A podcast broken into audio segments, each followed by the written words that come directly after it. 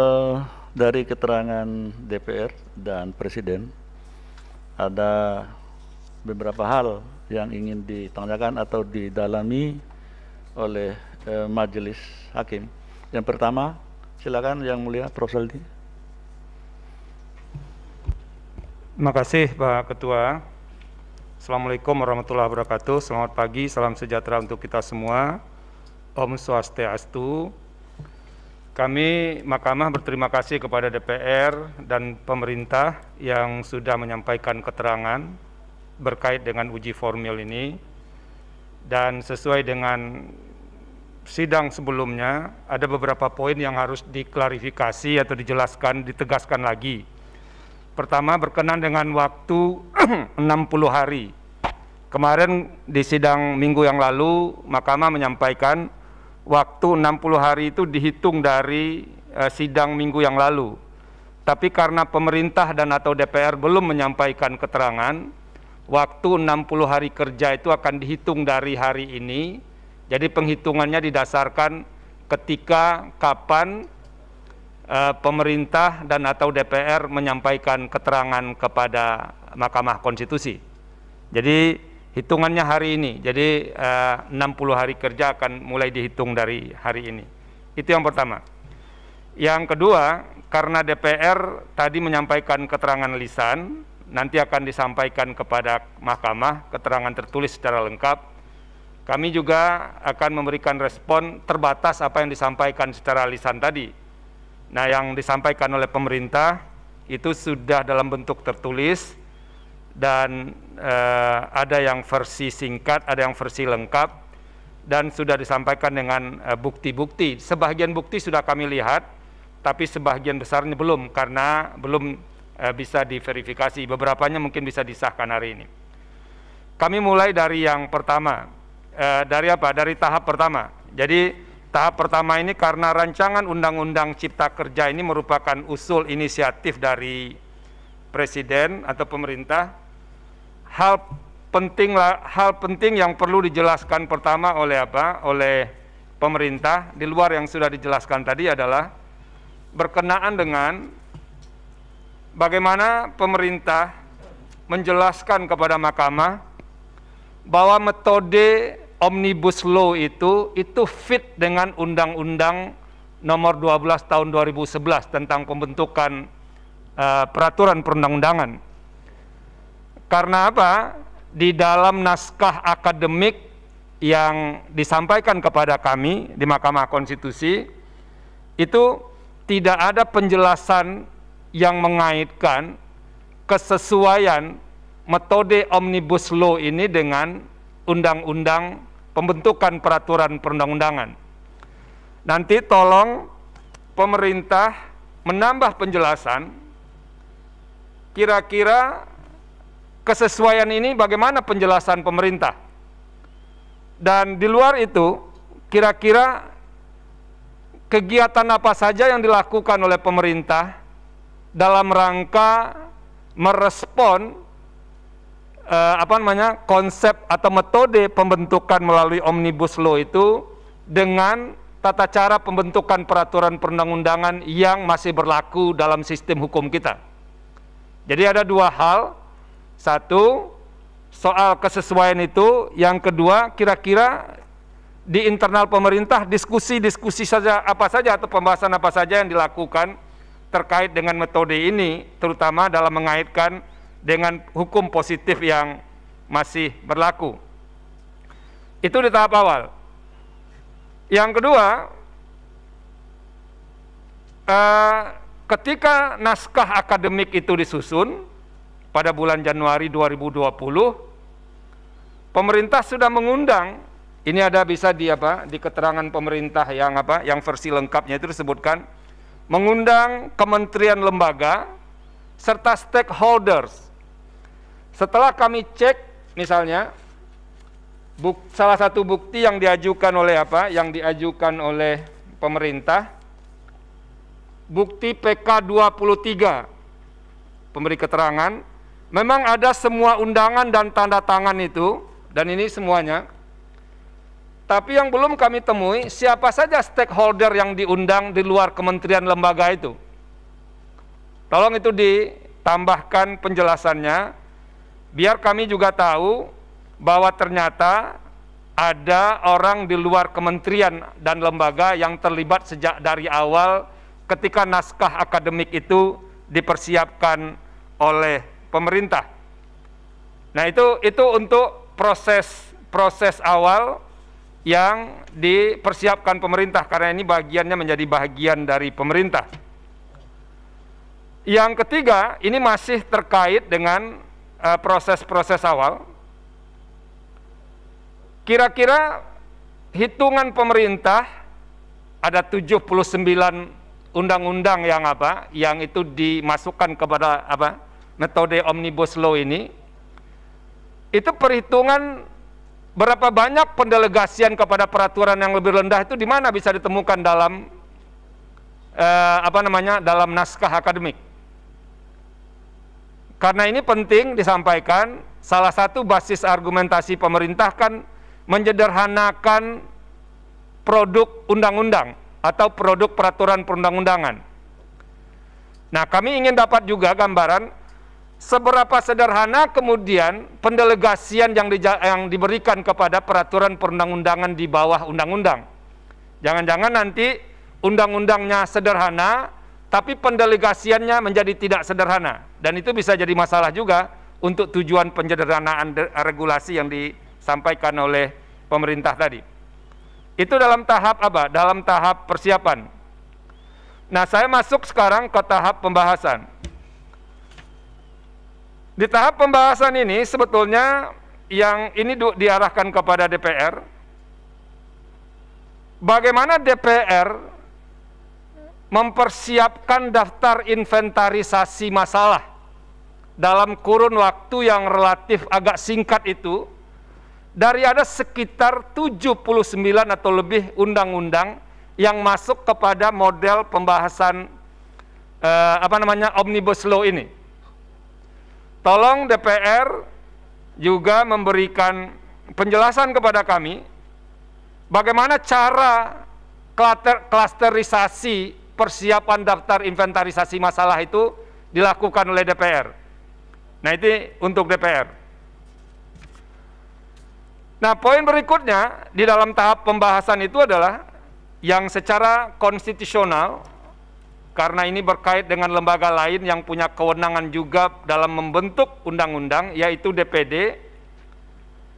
Di keterangan pemerintah itu tadi disebut ada dua atau tiga kali menyebut DPD dalam pembahasan itu. Kami Mahkamah memerlukan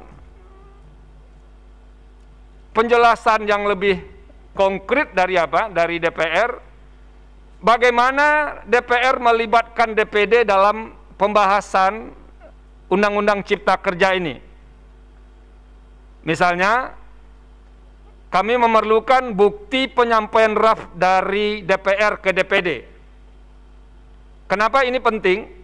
Karena dari 79 atau lebih undang-undang yang dijadikan ke dalam Undang-Undang Cipta Kerja ini, Sebahagiannya itu berkait dengan kewenangan DPD sebagaimana diatur dalam pasal 22D Undang-Undang Dasar 1945.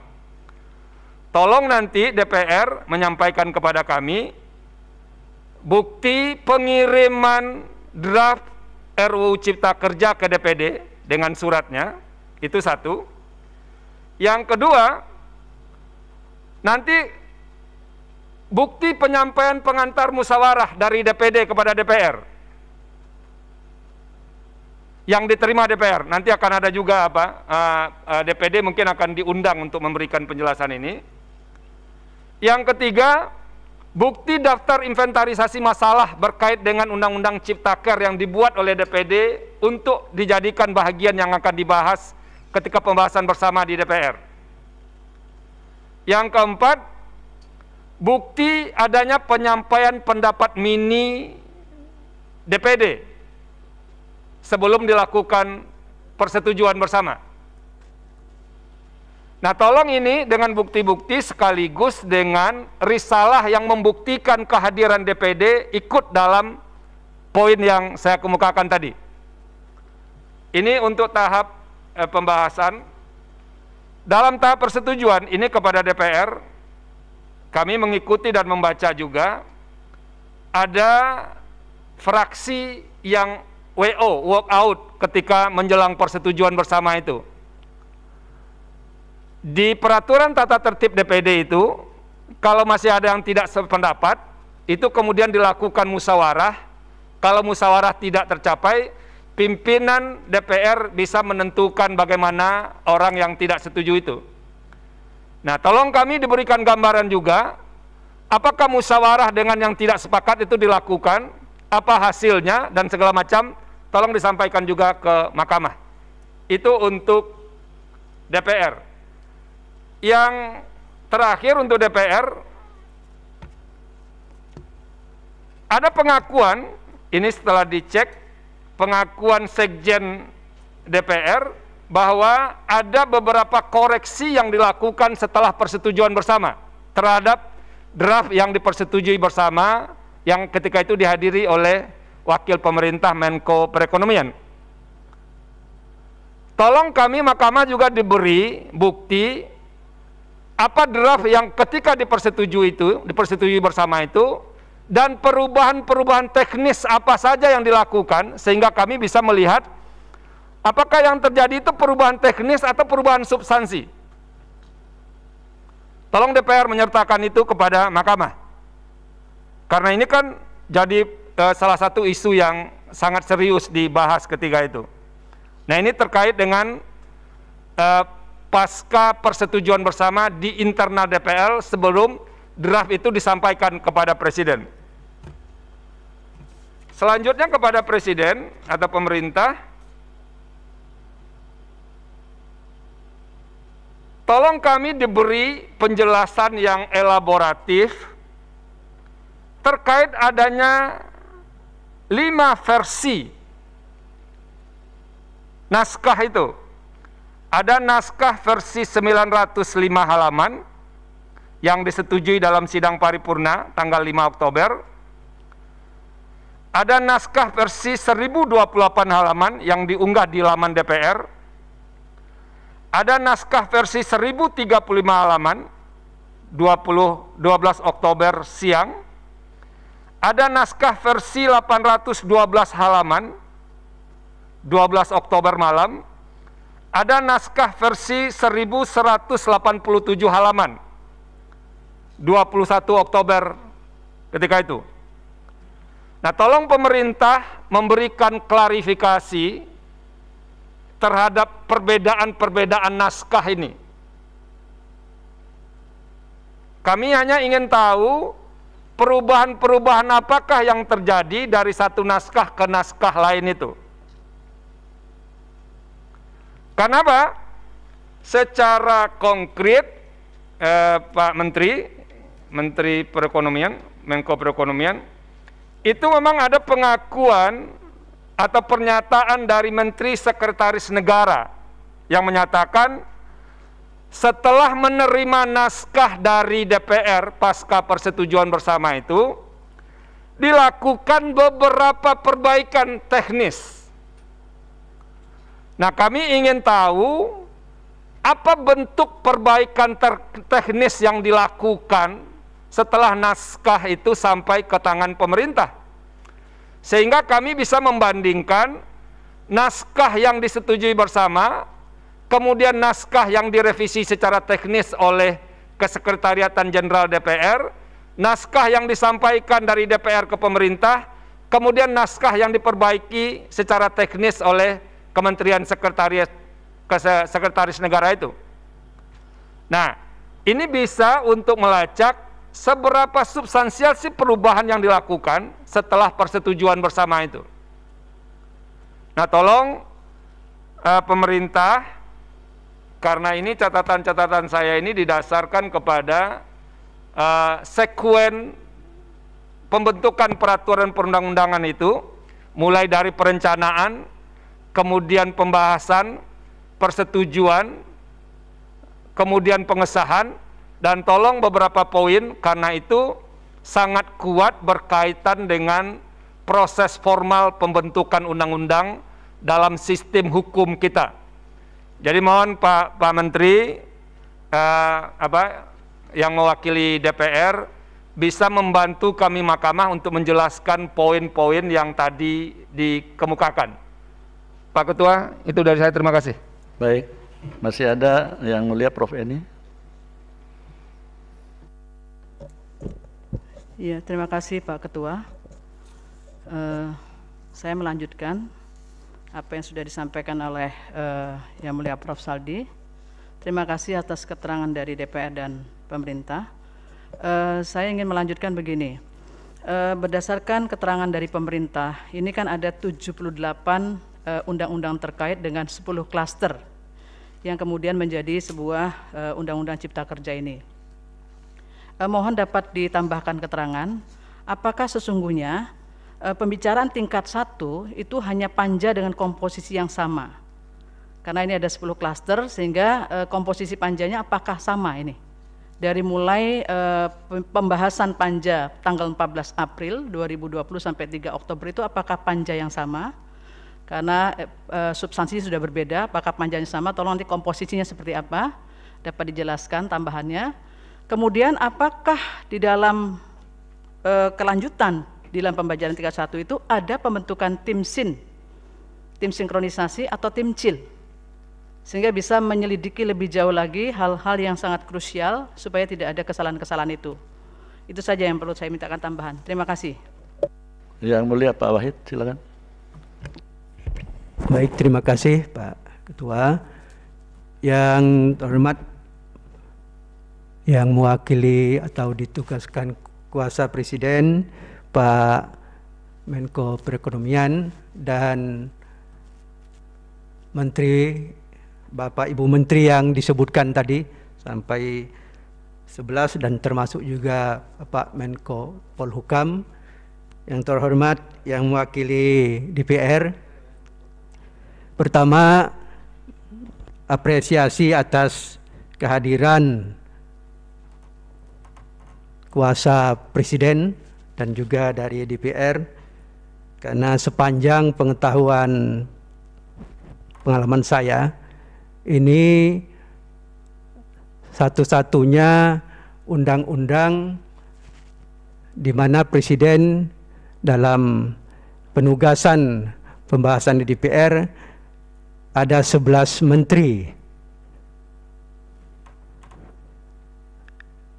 Sebelumnya paling banyak itu waktu undang-undang BPJS itu delapan menteri. Kemudian hadir ketika undang-undang ini diajukan permohonan pengujian baru kali ini juga minggu yang lalu delapan menteri dan sekarang sebelas menteri dan juga dari DPR.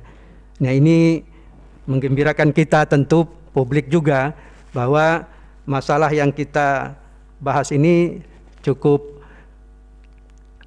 mendapat perhatian dan keseriusan kita bersama. Eh,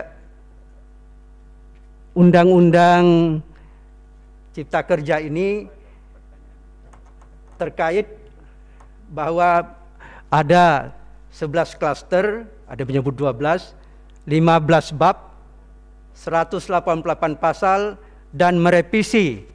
Ada yang menyebut 77, ada 78, ada 79. Tapi itu banyak ya.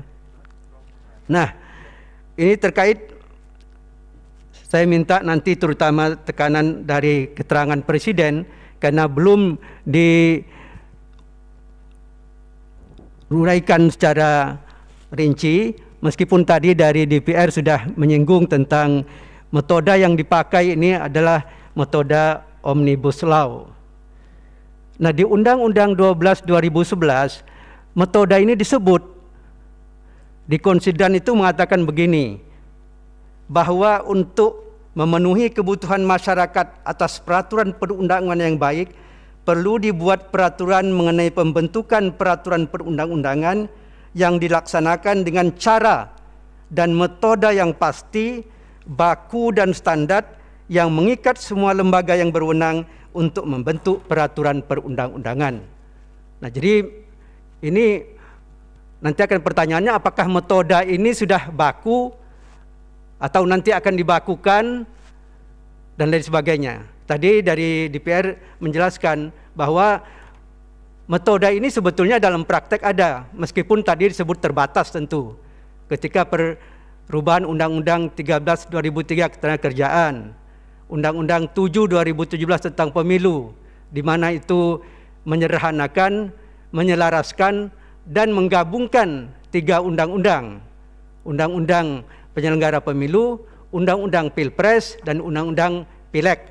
Nah, terbatas ya. Nah, tapi ini tadi karena ini 79 undang-undang yang dijadikan dalam satu metode regulasi dan ini metode yang memang dari segi subjeknya ini baru banyak. Kalau KUHP meskipun 700 lebih pasal itu presiden cukup menunjuk satu menteri, menteri hukum dan HAM. Karena mungkin subjeknya tidak se apa banyak kompleks yang uh, metode omnibus law ini. Nah, ini saya kira uh, penting untuk kita lihat. Ketika juga KUHAP dulu sampai 286 pasal tahun 81 dimulai tahun 78 itu juga apa cukup Menteri Hukum dan HAM dan juga disertai eh, oleh Jaksa Agung dan Kapolri. Nah ini sampai 11 menteri karena terkait di dalamnya eh, pasal dan undang-undang yang di ini. Ini apa? Ini juga akan berimplikasi bagaimana kita di MK ini nanti mengujinya ini. Ya, ketika diuji ini satu dua tiga undang-undang yang terkait, waktu kita membuat putusan juga akan akan akan ada satu persoalan yang akan kita temui. Terlebih lagi mungkin sekarang belum nampak kalau nanti pengujiannya itu konstitusional bersyarat. Nah, itu juga akan akan ada bagaimana cara kita mengininya. Oleh sebab itu kita sekarang menyebut dipisahkan yang formil dan materialnya agar kita dengan mudah uh, bukan dengan mudah, tapi uh, kita mencari cara yang uh, efektif dan efisien pembahasannya. Nah ini saya minta nanti kepada uh, pemerintah karena yang disampaikan pengantar oleh Bapak Menko Perekonomian kemudian di keterangan presiden yang ditandatangani oleh lima apa kuasa presiden ini ini belum digambarkan bagaimana dan ketika metode omnibus law ini dipilih. Nah, ini saya kira perlu diuraikan agar kita mendapat penjelasan karena ini akan berkaitan nanti dengan hal-hal lain yang terkait dengan substansi yang lainnya. Nah, yang kedua, saya mohon nanti kepada pemerintah dan presiden juga menguraikan bahwa RUU Cipta Kerja itu ada di prolegnas. Kemudian setelah menjadi undang-undang itu cukup banyak PP, Perpres, mungkin permen pelaksanaannya. Nah, apakah PP dan Perpresnya itu juga sudah ada di dalam Kepres tentang persiapan pembuatan PP Perpres? Karena mengingat itu cepat sekali dari 2020 sampai 2021 Nah, kalau 2020 ketika undang-undangnya itu diselesaikan, eh, lalu kemudian peraturan pelaksanaannya, ini juga perlu kita lihat ini asas daripada uh, uh, formil, walaupun ini kita akan lihat nanti di dalam apa uh, perpres tentang pelaksanaan Undang-Undang 12 2011 itu nanti. Jadi saya kira saya hanya tekan satu untuk pemilihan metode omnibus law ini apa landasan mungkin juga teorinya jika diuraikan karena saya lihat ini pernah dibahas bersama para pakar lalu landasan yuridisnya di mana ini kita bisa karena ini di Undang-Undang 12 2011 ini kan perlu metode yang pasti dan baku. Nah, apakah ini baku? Artinya tidak en malah ini, tidak hanya sekali ini, tapi mungkin pada waktu berikutnya karena kepentingan dan apa desakan apa keperluan perundang-undangan kita akan pakai lagi metode seperti ini. Ya bahkan tidak mungkin juga tidak atau tidak mustahil juga mungkin teman-teman kita di daerah perdanya metode omnibus law juga. Nah ini bisa terjadi ya. Jadi artinya diberikan jawaban landasan teorinya, kemudian landasan yuridisnya yang bisa ditarik atau dilihat dari Undang-Undang 12 2011 sebagai pedoman pembentukan peraturan perundang-undangan. Saya kira itu saja. Terima kasih. Baik, masih ada yang mulia Pak Daniel, silakan. Baik, terima kasih yang mulia Pak Ketua. Terima kasih juga untuk pihak DPR dan pemerintah yang telah menyampaikan keterangan. Sudah cukup banyak yang disampaikan oleh yang mulia sebelumnya. Hanya satu hal yang ingin saya sampaikan yang terkait dengan stakeholders. Metode omnibus law ini tadi ada aspek yang dijelaskan baik dari DPR maupun pemerintah terkait overlapping peraturan perundang-undangan dan ini salah satu terobosan yang dilakukan oleh pembentuk undang-undang dalam rangka untuk mengatasi overlapping sejumlah peraturan perundang-undangan. Nah, dari segi jumlah undang-undang baik yang disampaikan oleh DPR maupun dari pemerintah tadi ada sejumlah 78 dan soal klaster ini juga walaupun tidak ada ketegasan ada masih beberapa varian apakah 10 atau 11 dan 12 Nah metode omnibus law ini secara tidak langsung sebetulnya menghendaki adanya perubahan terhadap Undang-Undang 12 tahun 2011 terutama berkaitan dengan siapa yang disebut dengan stakeholders. Kenapa? Karena dari seandainya klasternya 10, setidak-tidaknya ada 10 stakeholders dalam pembahasan undang-undang dengan menggunakan metode omnibus omnibus law ini. Nah, kalau sekiranya jumlahnya 78, kalaupun dalam setiap undang-undang hanya satu stakeholder, maka patut diperkirakan ada sekitar 78 stakeholders.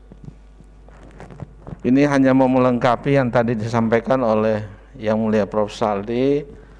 Yang diundang ini stakeholder ini siapa saja yang hadir pada waktu mulai dari tahapan perencanaan dan seterusnya karena ini akan menjadi domain MK nanti untuk menilai apakah para pemohon ini memiliki legal standing atau tidak. Karena ini sangat terkait dengan uh, stakeholder dalam pembahasan setiap rancangan undang-undang. Nah ini yang uh, menurut kami ini perlu juga ada keterangan baik dari pihak pemerintah maupun DPR terkait dengan stakeholder yang diajukan atau yang diundang dan yang hadir pada saat uh, RDP dan sebagainya. Itu saja dari saya. Saya kembalikan pada Yang Mulia Pak Ketua. Terima kasih. Ya, baik. Terima kasih. Masih ada Yang Mulia Prof. Arif, silakan. Terima kasih Yang Mulia Pak Ketua. Uh, yang mewakili pemerintah, para menteri, Bapak dan Ibu Menteri, Pak Artiria Dahlan yang mewakili DPR, para pemohon semuanya. Saya melengkapi apa yang sudah disampaikan oleh para yang mulia. Para yang mulia melihat dan meminta tambahan keterangan dari pemerintah dan dari DPR dari sisi substansi. Perlu saya sampaikan kepada semua pihak, itu mahkamah berkesempatan sekarang mulai akan membangun suatu proses tata cara pengujian undang-undang. Kalau selama ini membagi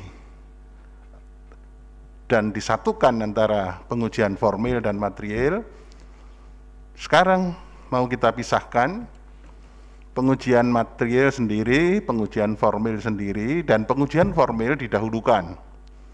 Tadi Prof. Saldi di kata pengantar waktu menanyakan kepada pemerintah dan DPR, memberi, sebelumnya memberikan klarifikasi ada waktu 60 hari kerja.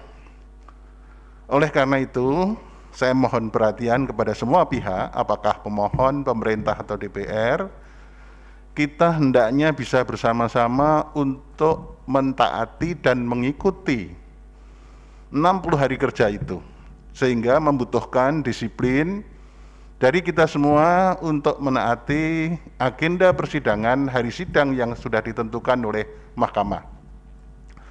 Oleh karena itu, apa yang dibutuhkan oleh mahkamah untuk memeriksa, mengadili dalam perkara pengujian formil ini diharapkan tidak ada penundaan-penundaan atau ketidaklengkapan-ketidaklengkapan yang dilakukan oleh para pihak. Untuk itu kita majelis, mahkamah meminta keseriusan semua pihak. Kemudian yang kedua, eh, tadi sudah sedikit disinggung Prof. tadi, Pak Arteria, saya bisa memahami apa yang sudah disampaikan oleh DPR. Meskipun secara lisan, tapi kita mengharapkan segera keterangan tertulisnya. Begitu juga dengan lampiran-lampiran yang katanya tadi akan disampaikan dan bukti-buktinya. Karena dalam pengujian formil ini bukti menjadi sangat penting untuk segera kita ketahui karena waktunya sangat pendek, 60 hari kerja itu tadi. Pemerintah bukti yang sudah masuk 148. Ini ada sudah beberapa sudah kita terima dan kita baca yang mungkin nanti akan bisa disahkan oleh Yang Mulia Pak Ketua, bukti yang masuk. Begitu juga bukti-bukti yang diajukan oleh pemohon itu sudah masuk semua. Untuk itu bukti dari DPR lah yang kita segera tunggu ya untuk bisa diketahui bersama. Dalam upaya untuk menjaga proses persidangan bersifat transparan, terbuka, dan fair play, maka para pihak kalau mau melakukan insake terhadap bukti-bukti bisa ngecek dan mengajukan permohonan. Ini terutama keterbukaan apa betul sih pemerintah mengajukan bukti 148 tadi? apa betul nanti eh, DPR mengajukan bukti-bukti itu?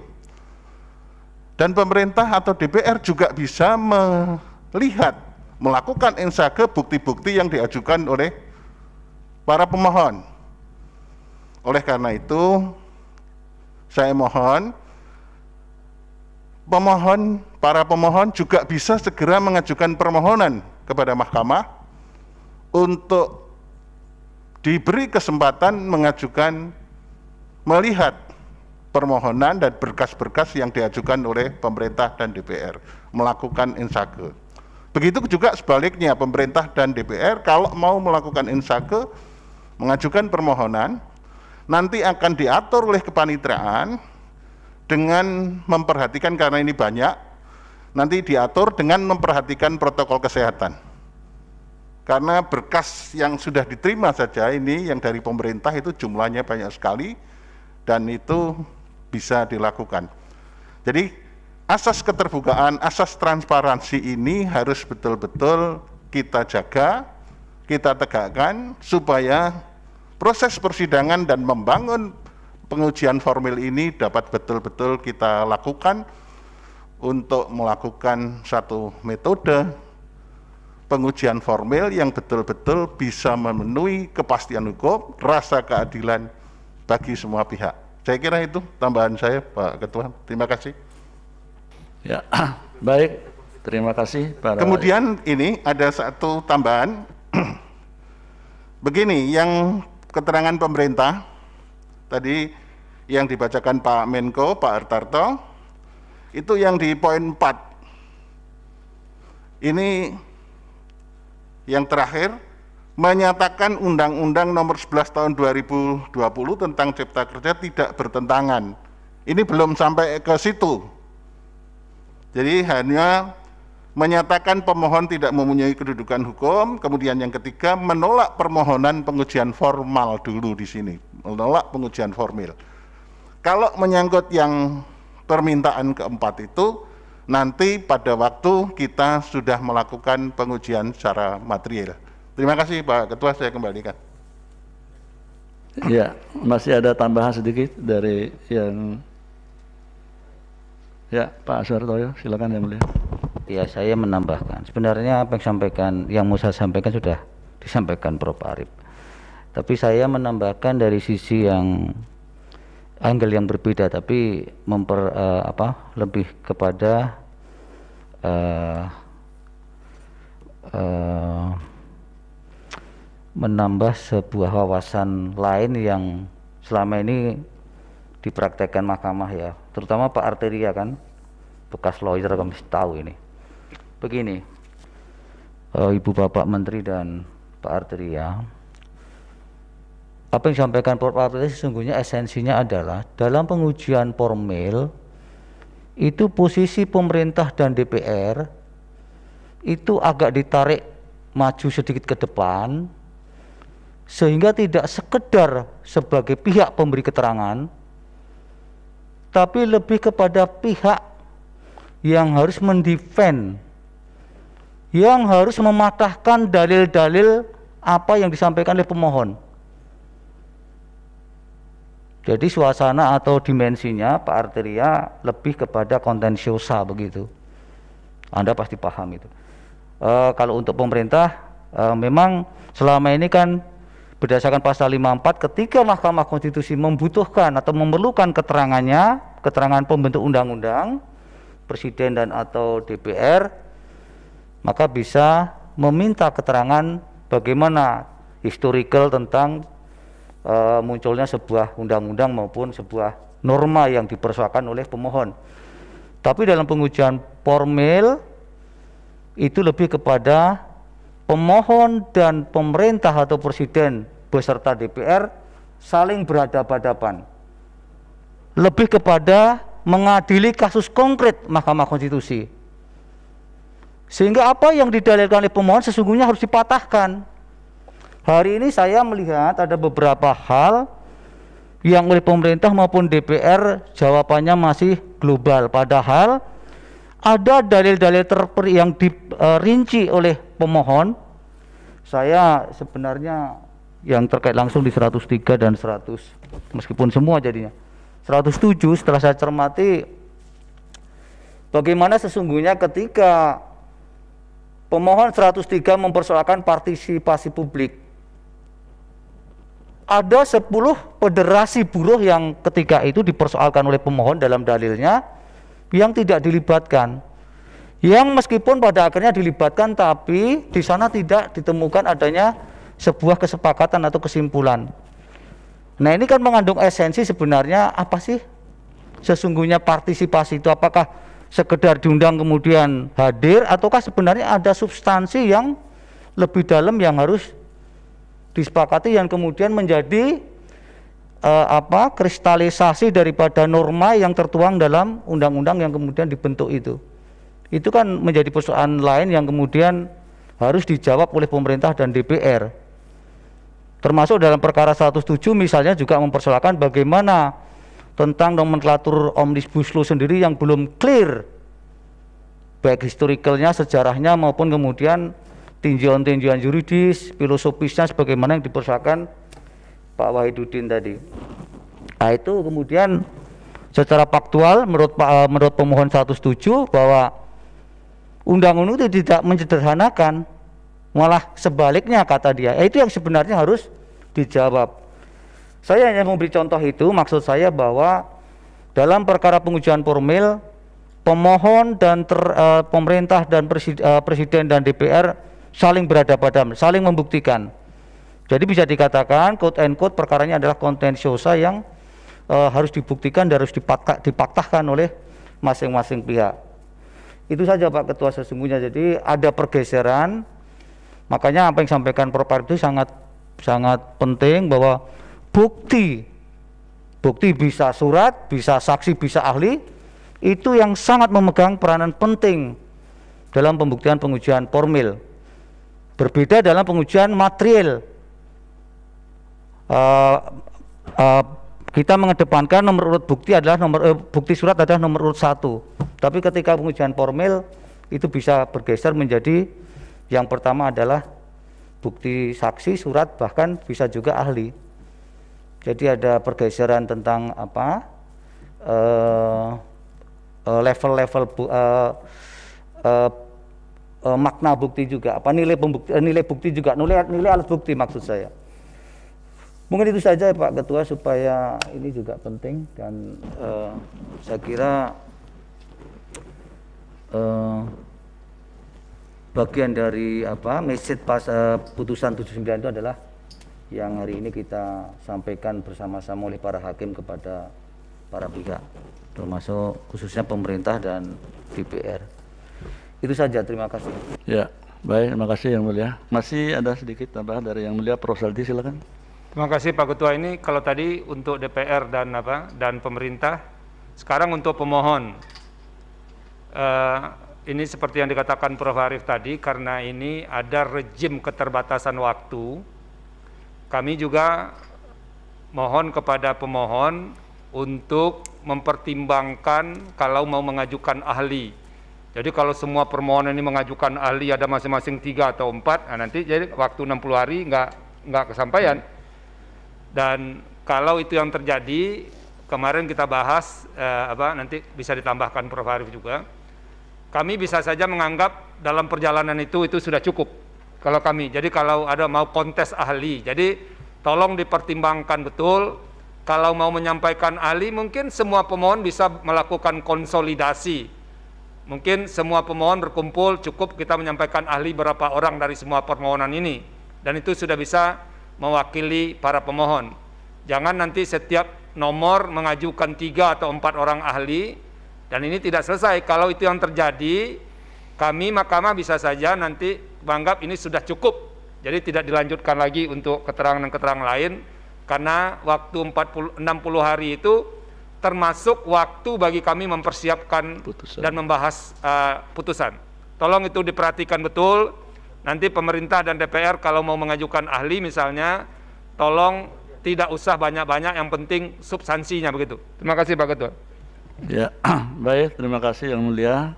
Saya eh, menambahkan penjelasan Yang Mulia Prof. Sandi. Jadi tadi waktunya memang sangat ketat, 60 hari ini maksud itu 60 hari kerja dan kalau Ya. Untuk uh, para pemohon tadi sudah disampaikan juga oleh Yang Mulia Prof. Saldi kiranya dipertimbangkan ya. Kalau memang itu haknya masing-masing pihak para pemohon enam perkara maupun uh, kuasa presiden dan uh, eh, DPR tentunya. Tetapi sekali lagi karena keterbatasan waktu ya mohon menjadi bahan pertimbangan dan tentu saja nanti eh, majelis hakim ya mahkamah bisa mengambil eh, keputusan atau kesimpulan bahwa ahli yang dihadirkan oleh para pemohon presiden maupun DPR sudah dianggap cukup hanya beberapa orang saja artinya tidak semua tergantung dari perkembangan nanti. Uh,